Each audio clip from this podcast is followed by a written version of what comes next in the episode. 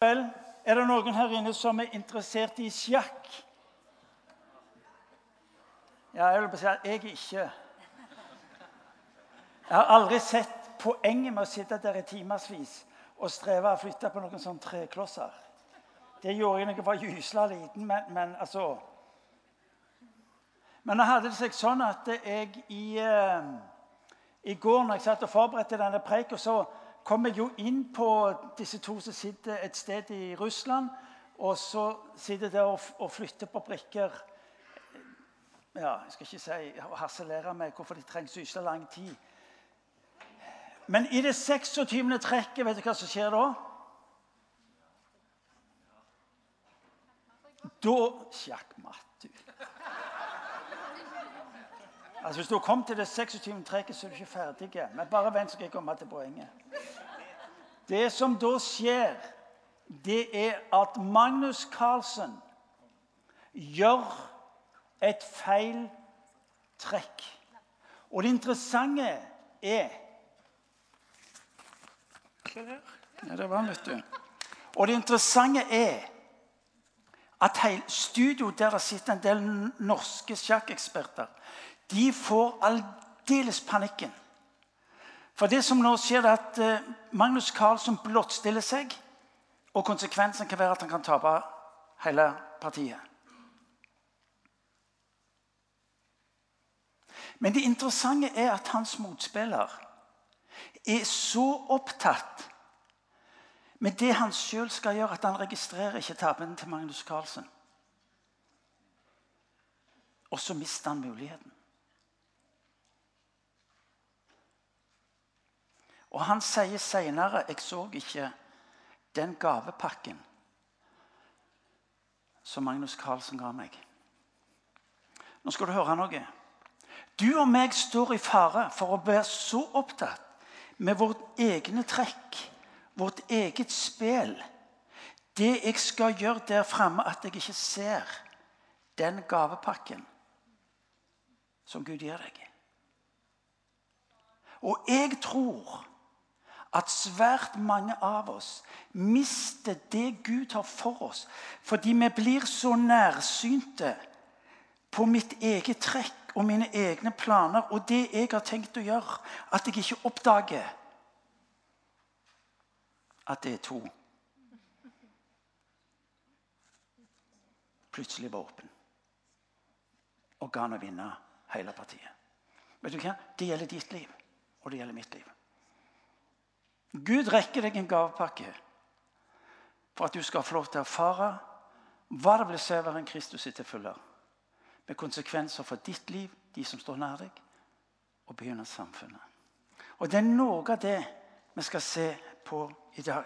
Fordi at det som vi som mennesker eh, vi, vi, blir så opptatt med det vi sjøl tror vi skal konstruere, at vi oppdager ikke det Gud har for oss. Det er det mest tragiske som kan skje.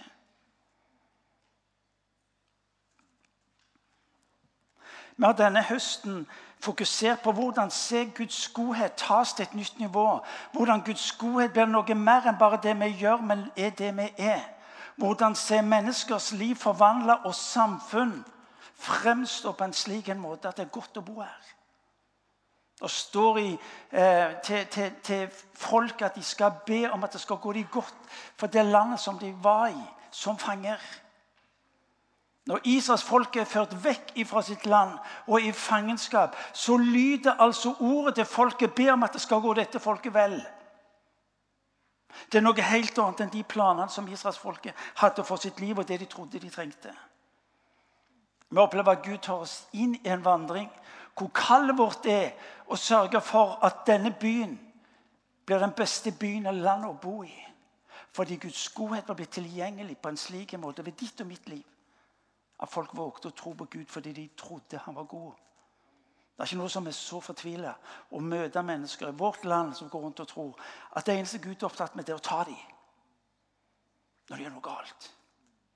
Når livet ikke er på stell, og livet er nederlag, og livet ikke ble sånn som de hadde drømt om. Når du tenker hjem, hva tenker du da?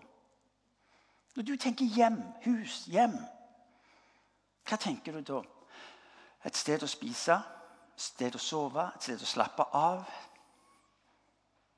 Et sted hvor jeg kan trekke meg tilbake. My home is my castle, sier engelskmannen.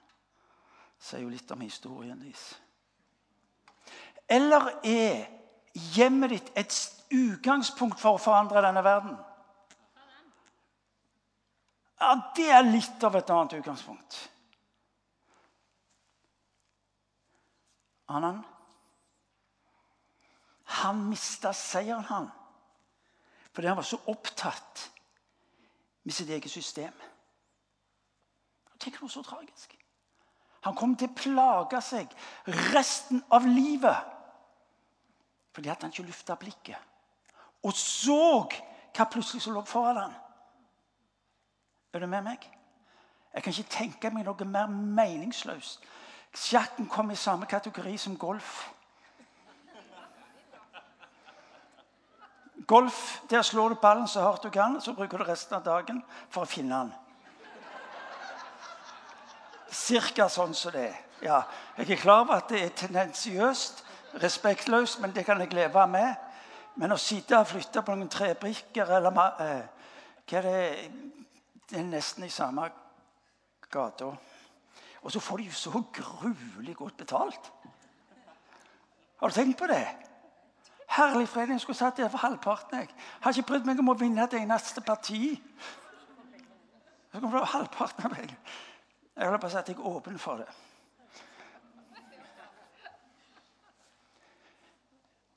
Hva slags hjem er det du har? Hva er visjonen for hjemmet ditt? Hva er drømmen din? Tenker du bare arkitektur, interiør, utsmykning? Beliggenhet, beliggenhet, beliggenhet, sier eiendomsmegleren. Men vet du hva? Da tenker du gysla smått. Gysla smått. Det er nesten som hvis jeg skal lage meg en kopp te, så er det viktigste hvordan tekoppen ser ut.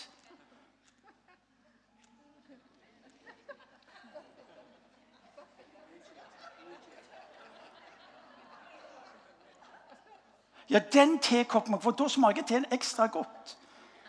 Eller det ser Ja, noe. Det sitter noen på første benk som hele veien driver på. Eller du skal spise middag, og det er det opptatt med. Jeg må finne det rette serviset. For hvis jeg får det rette serviset, så smaker maten ekstra godt.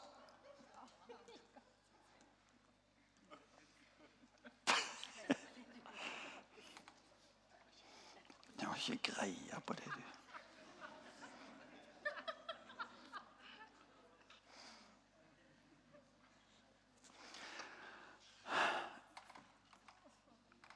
Sier hjemmet ditt hvem, sier hjem, Det er et spørsmål til hvem du egentlig er. Stort, fint, dyrt. Lite og enkelt. Stilfullt, smakfullt. Rotete og kaotisk. Ingen smak, ingen mening. Ryddig, alt på stell, eller bare kaos.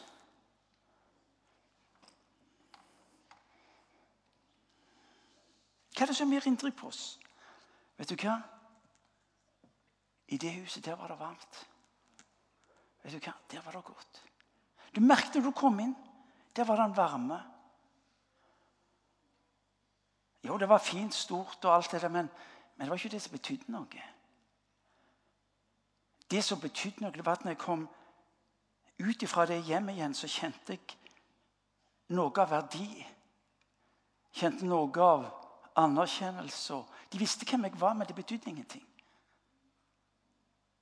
Og så vågte jeg å, å kjenne etter at det jeg møtte, var noe som traff meg der inne, som gjorde at livet ble godt.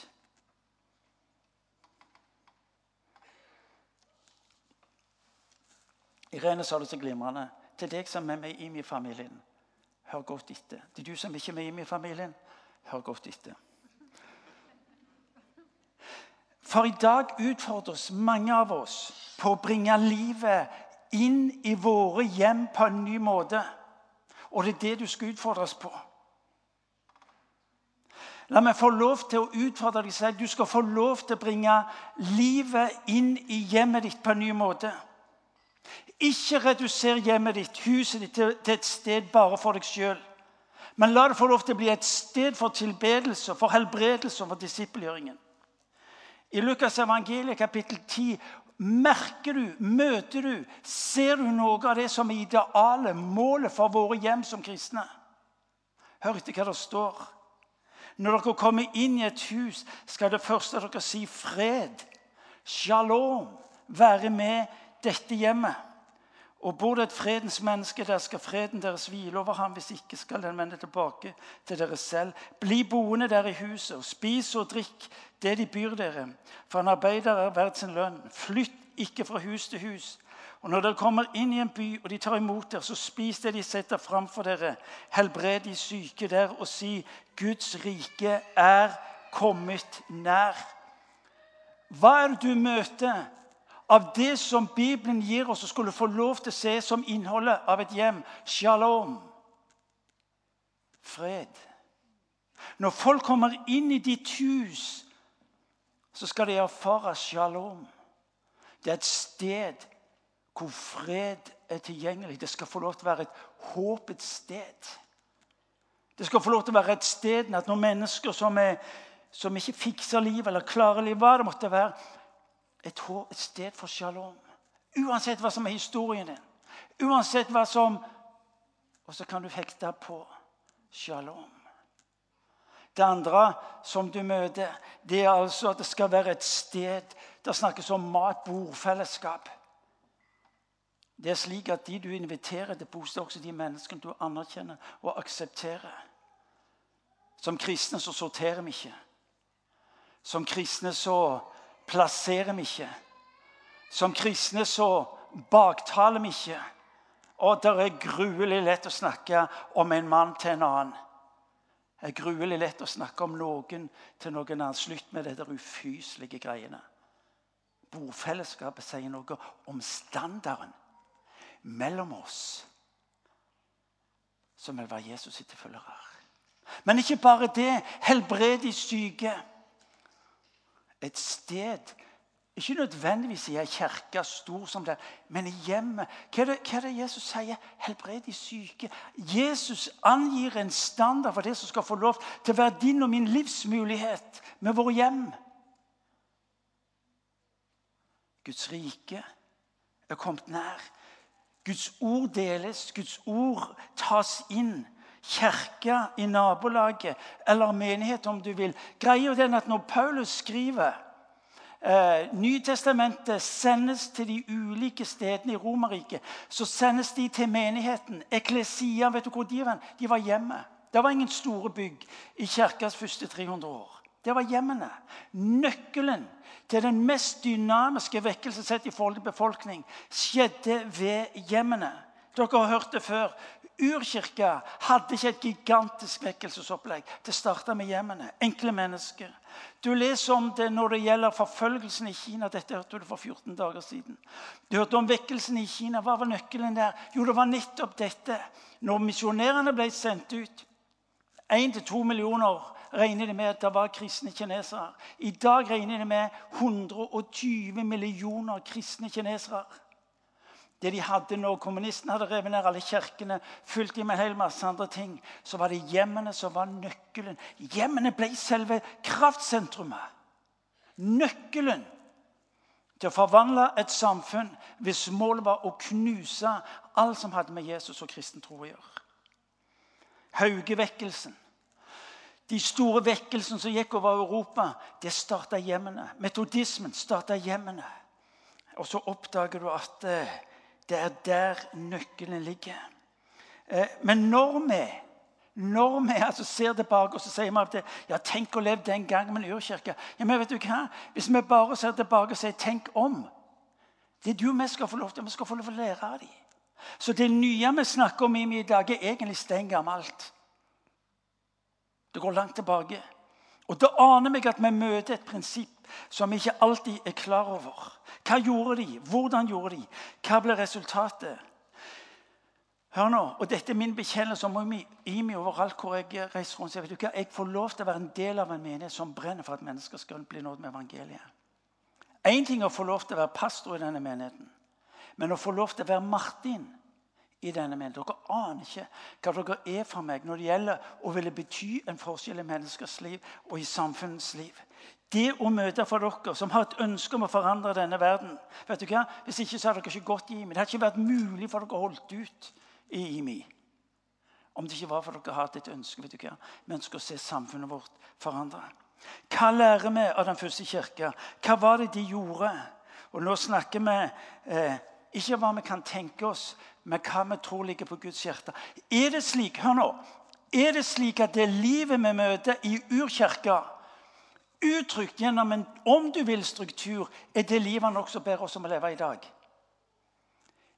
Jeg tror det. Jeg tror at når Peter og gutta satt der i en eller annen sal, så var panikken Hva gjør vi nå? For der satt de plutselig med tusenvis av mennesker som var kommet til tro. Og jeg tror de ropte til Gud og sa, 'Kjære Gud, hva gjør du nå?' De hadde lært bønnen.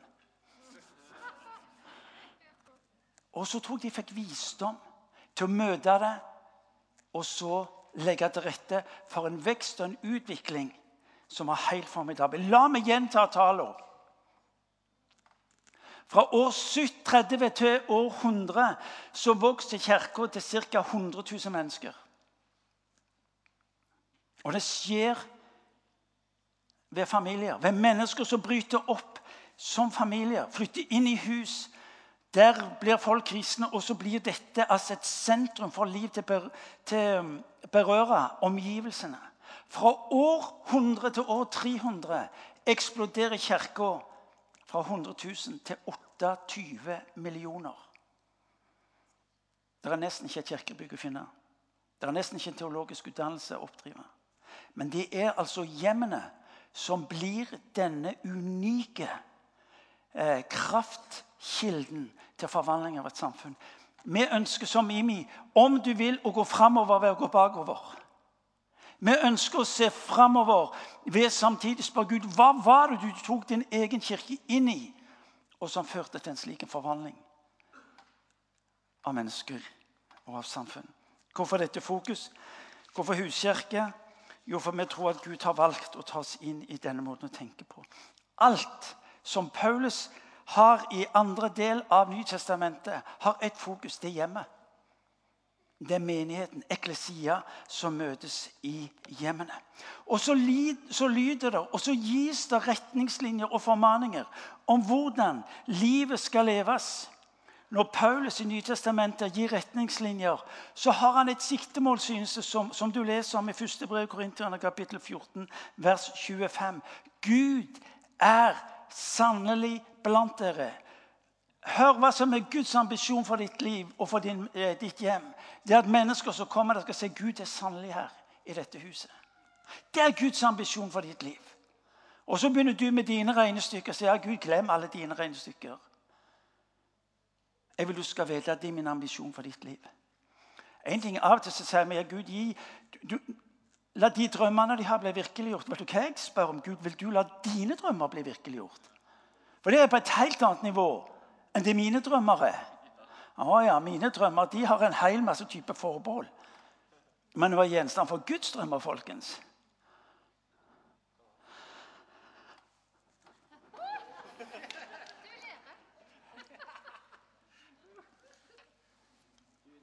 Huskirker er noe langt mer enn samling rundt et bord en gang i uka. Vi snakker om bordfellesskapet som viktig. Men når vi snakker om huskirker, så er det noe langt mer. Bordet er bare et fysisk uttrykk for noe langt større. Gud er sannelig midt iblant dere. Sunde, Madla, Våland, Kjensvoll, Hillevåg, you name it.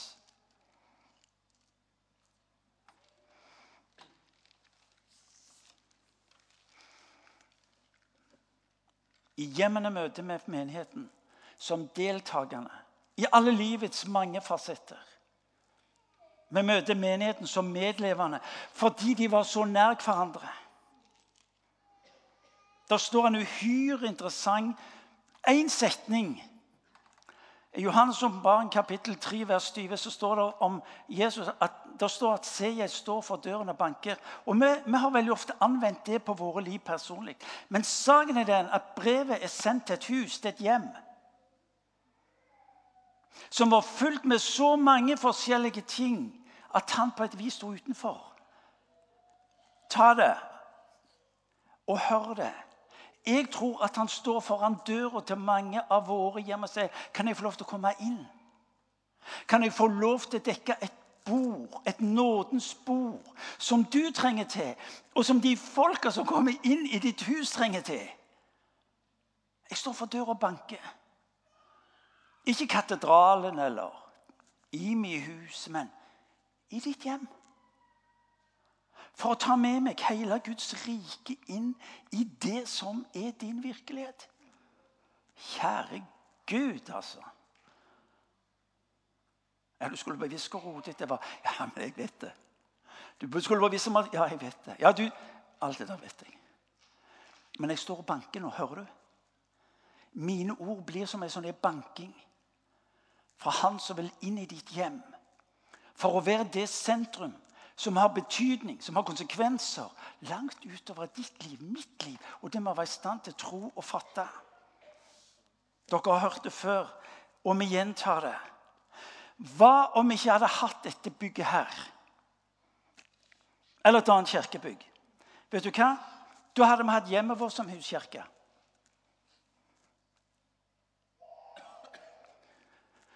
Huskirka som Billy Aasjord leder.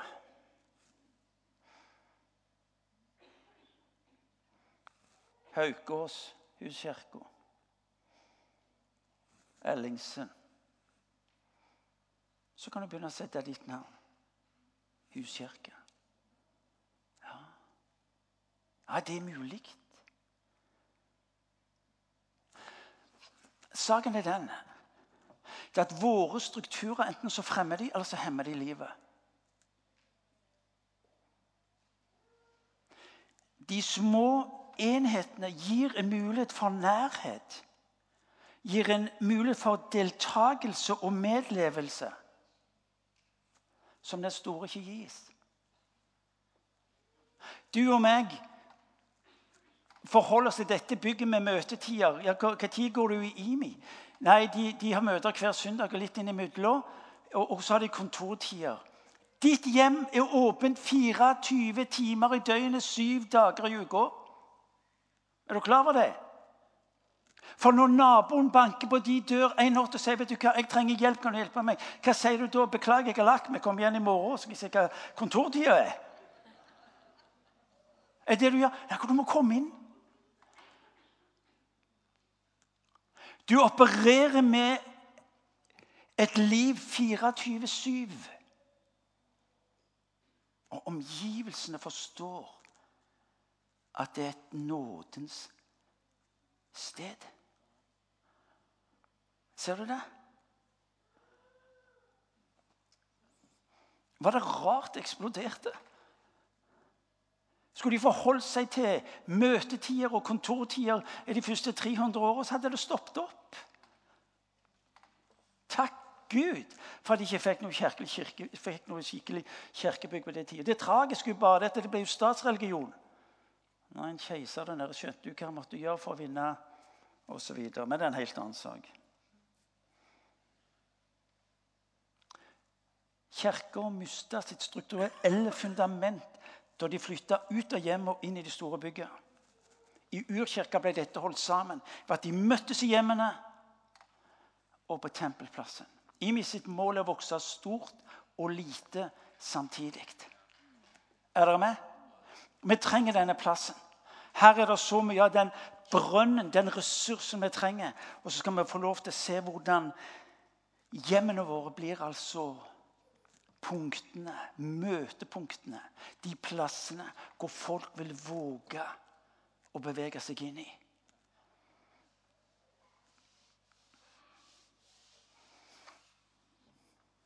Det står at de brøt brødet hver dag. Vi var sammen med Anders Sveinung i går kveld. Anne og Sveinung hadde diska så flott opp. vet du. Ferdige med å spise, så bar hun inn brødet og vinen. og Jeg leste ut teksten, vet du. og Så satt vi der og så delte vi nattverden. Det skal være en del av livet vårt i huskirkene. Og mens jeg sitter der, så tenker jeg Kjære Gud, altså. Hvordan i all verden kan vi la være å gjøre det? Hvordan kan vi la være å gjøre det som mesteren har lovt at vi skal få lov til å ha? Når han sier 'seg står for døra og banker', så, så snakker han om husdøra, hjemmet. Så vil jeg gå inn til dere og holde nattverd med dere og dere med meg. Og så er det det han inviterer oss inn i. Jo da, regene var gode, og kaka òg var god. Den kom fra oss, forresten. Gule kake. Møtte gode venner. Men vet du hva? Det, det å sitte der og ha nattverd sammen, be sammen, dele vitnesbyrd med hverandre, dele med hverandre det vi opplevde at Gud ga til oss for hverandre, så kjenner du på at det er noe som skjer. Det er en åndelig fornyelse. Det er så du tenker ja, men kjære Gud, dette må vi jo ikke miste. Huskirka skal være et, et sentrum, et kraftsentrum. Vi skal ikke koke det ned til noe sånn Ja, det er fint å komme sammen, og det er godt med relasjoner. Og, ja, det er det òg. Men det skal være en åndelig kraft i det som gjør at folk går rundt og begynner å spørre hvor i all verden er det du henter kraften til fra? Hvordan er det du klarer å leve som du gjør? Troen kommer nærmere. Jeg reiste fra Anne og Sveinung i går hadde en kjempedag, og så slo det meg bare igjen. Troen kommer nærmere. Opplevelsen av fellesskap blir tettere. Det omfatter flere sider og blir et vell av muligheter. Se hvor høyt de elsker hverandre.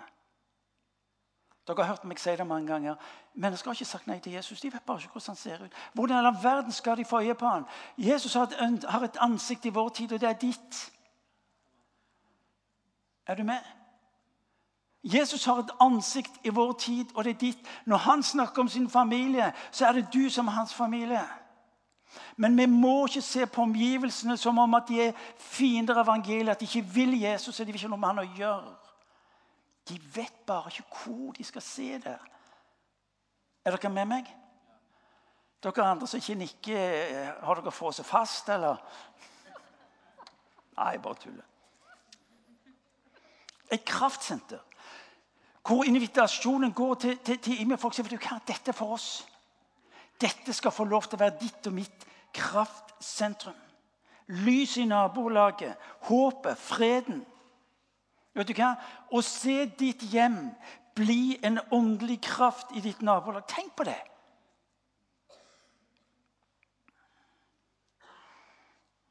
Jeg gjentar det ofte, så sier vi får ikke naboene med i time i kirka. Men, men, de kommer til kirka, de. Huskirka, de.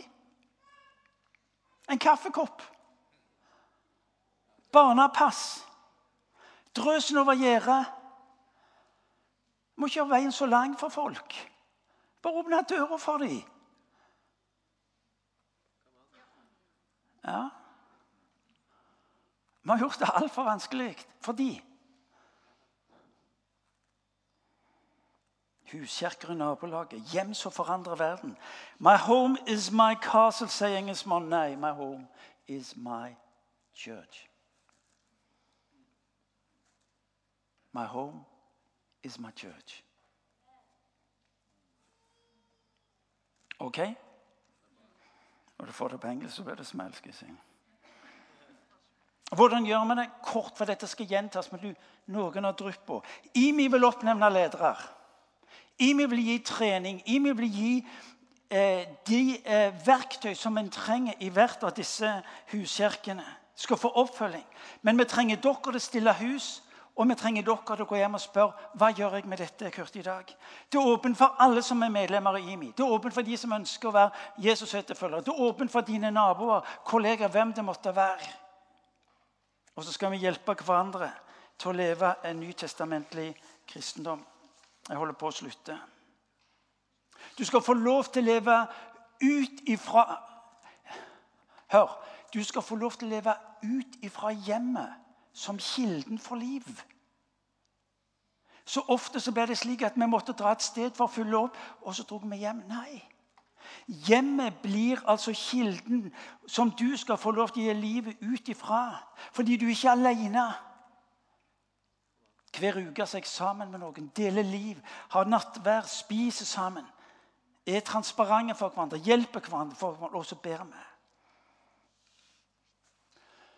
Ok, Hva slags hindringer ser du, Martin? Egentlig ikke noen.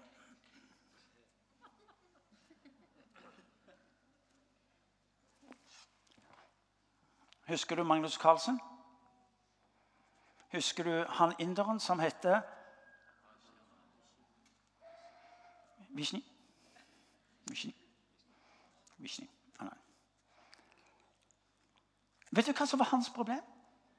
Han satt med de bildene som han ville legge til grunn for hvordan han skulle slå Magnus Carlsen. At han ikke oppdagte at døra var åpen. Han trengte jo ikke de. Er dere med meg? Hvis han hadde løfta blikket, lagt vekk sine bilder, sin strategi, sin forståelse om han skulle gjøre, så hadde han sett at døra var åpen. Det to var åpen. Ja. Hvis det høres ut som jeg greier på sjakk, så er det bare bløff. Men såpass mye forstår jeg at den gaven som Magnus Carlsen serverte, den mista han. Vet du hva som er hindringen for deg og meg? det er at våre bilder på hvordan det skal være, hva som passer oss osv., det er de vi styrer etter. Og så mister vi det. Det er mange av dere som har altfor mye til gode av det Gud har for dere. Det er på tide for noen av dere å legge ned de gamle bildene.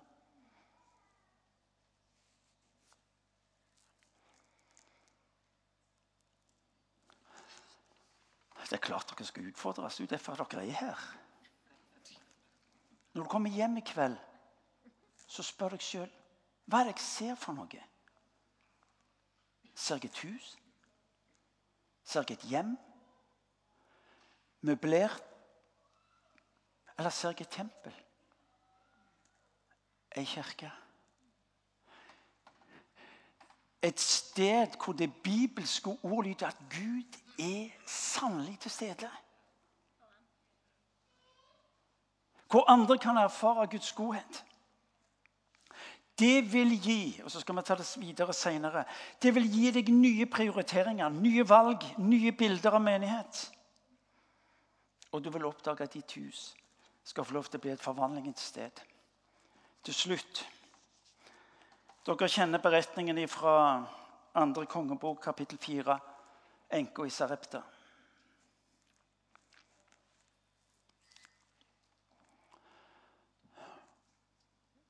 Beretningen er enka, to sønner som vil bli solgt for ikke penger, til gjeld. Og Så møter hun profeten, og så ber hun om hjelp. Og profeten spør hva har du i huset ditt. Hva har du i hjemmet ditt? Og så sier hun jeg har ikke noe annet enn ei flaske med olje. Du og meg er eksperter på det vi ikke har. Du og meg er eksperter på det vi ikke kan. Du og meg er eksperter på alt som skulle vært annerledes. Du og meg er eksperter på alt som diskvalifiserer oss sjøl. Og nå skal du høre, du skal lære av denne dama. Og så sier profeten og legg merke til han gjør ingenting. Han sier til dama gå rundt til naboene dine. Og så skal du låne kar. Og så skal du fylle opp karet. Uansett hvem du er, så har du noe av det som har med Jesus å gjøre. Og når du begynner å helle dette inn i kara til naboene Ord om godhet den gode gjerningen, blikket som så folk Når du vil våge å begynne med det lille, så skal du oppdage at det er noe som vokser rundt deg. Hva har du i huset? Ja, det er ikke så mye. Det skulle vært an. Og så begynner du med regnestykkene. Vet du hva? Ditt hjem skal få lov til å bli et sted hvor folk sier vet du hva, her er Gud til stede. Og når du våger å helle sammen med de andre olje, Guds ord, Guds rike inn i hverandres liv. vet du hva som skjer, så, så det er nesten så du ser at olja siger ut under dørterskelen. Ut og i nabolaget, på jobben, skolen, hvor det måtte være. Fordi at det du der får være en del av, har konsekvenser for det livet du lever der ute. Shalom. Ditt hjem skal få lov til å være et sted, et håpets sted. Et nådens sted. Et sted hvor folk våger å tro at Gud er god. Fordi de fikk øye på ham i nabolaget. La oss reise oss og be.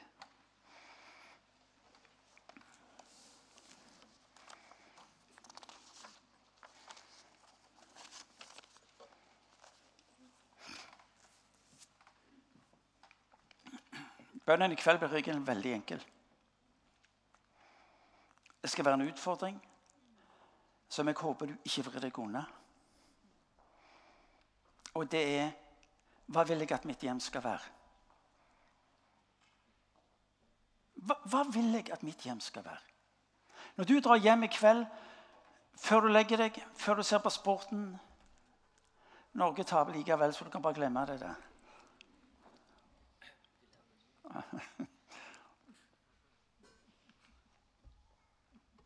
Så vil jeg du skal spørre hva? Hva vil jeg at mitt hjem skal være? Og det er godt mulig du må gjøre det som sjakkspilleren ikke gjorde, nemlig løfte blikket litt høyere. For å se at der har Gud rakt fram en gavepakke for deg og ditt hjem.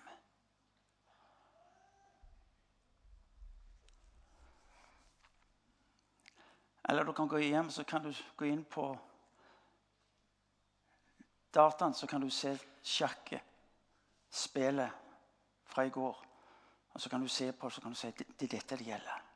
Gud rekker meg en gave.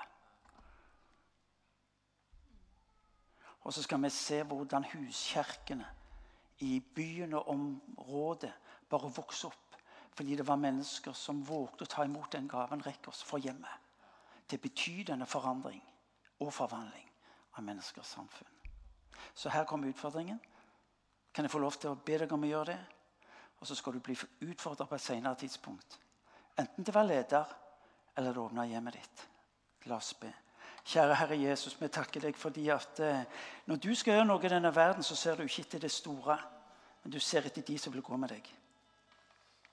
Herre Jesus, jeg takker deg for at når du ønsker å gjøre noe inn i denne verden, så ser du ikke etter det som er fullkomment, det som er perfekt, det som er på plass, det som er på stell. Men du ser til de som vil gå med deg. Og Far, jeg ber at du skal gi oss å lufte blikket så høyt, slik at vi våger å se over våre egne planer, våre egne ønsker, det som er komfortabelt for oss. For å se Gud, for å se at du rekker oss en gavepakke som har betydning. Som gjør at vi vinner spillet, Gud. For vi er trøtt av å se hvordan de kirker går tilbake i vårt eget land. For vi er trøtt av å se hvordan vi stadig vekk taper terreng i landet vårt når det gjelder ditt rike, hvem du er, og den betydning du har, for. For vi vil ikke tape disse partiene lenger. Derfor ber vi far om å hjelpe oss til å løfte blikket, så vi våger å se den gaven du rekker oss. Far, vil du, vil du gi oss vil du gi oss mot å se våre hjem, gi oss mot til oss sjøl. Som et sted hvor det lyder Gud er sannelig til stede. Far, vil du gi oss visjon, Herre, for våre hjem som den visjonen du har for våre hjem. Far, vi spør ikke etter hverandres drømmer, men vi spør etter dine drømmer. Vil du, Herre, vil du plante den i våre liv? Vil du gi oss dine visjoner og plante det i vår måte å tenke på, Gud? Så vi våger å tro, våger å handle. Fordi du har sagt du skal være der. Far, du minner oss i dag ved begynnelsen av gudstjenesten. ifra ditt eget ord. Fra Salme 1, Herre. Far, la, la våre hjem få lov til å være som denne elva. La våre hjem her være utgangspunkt for de elv som bringer liv og helbredelse, håp til mennesker. Far, vi ber i ditt navn. Amen.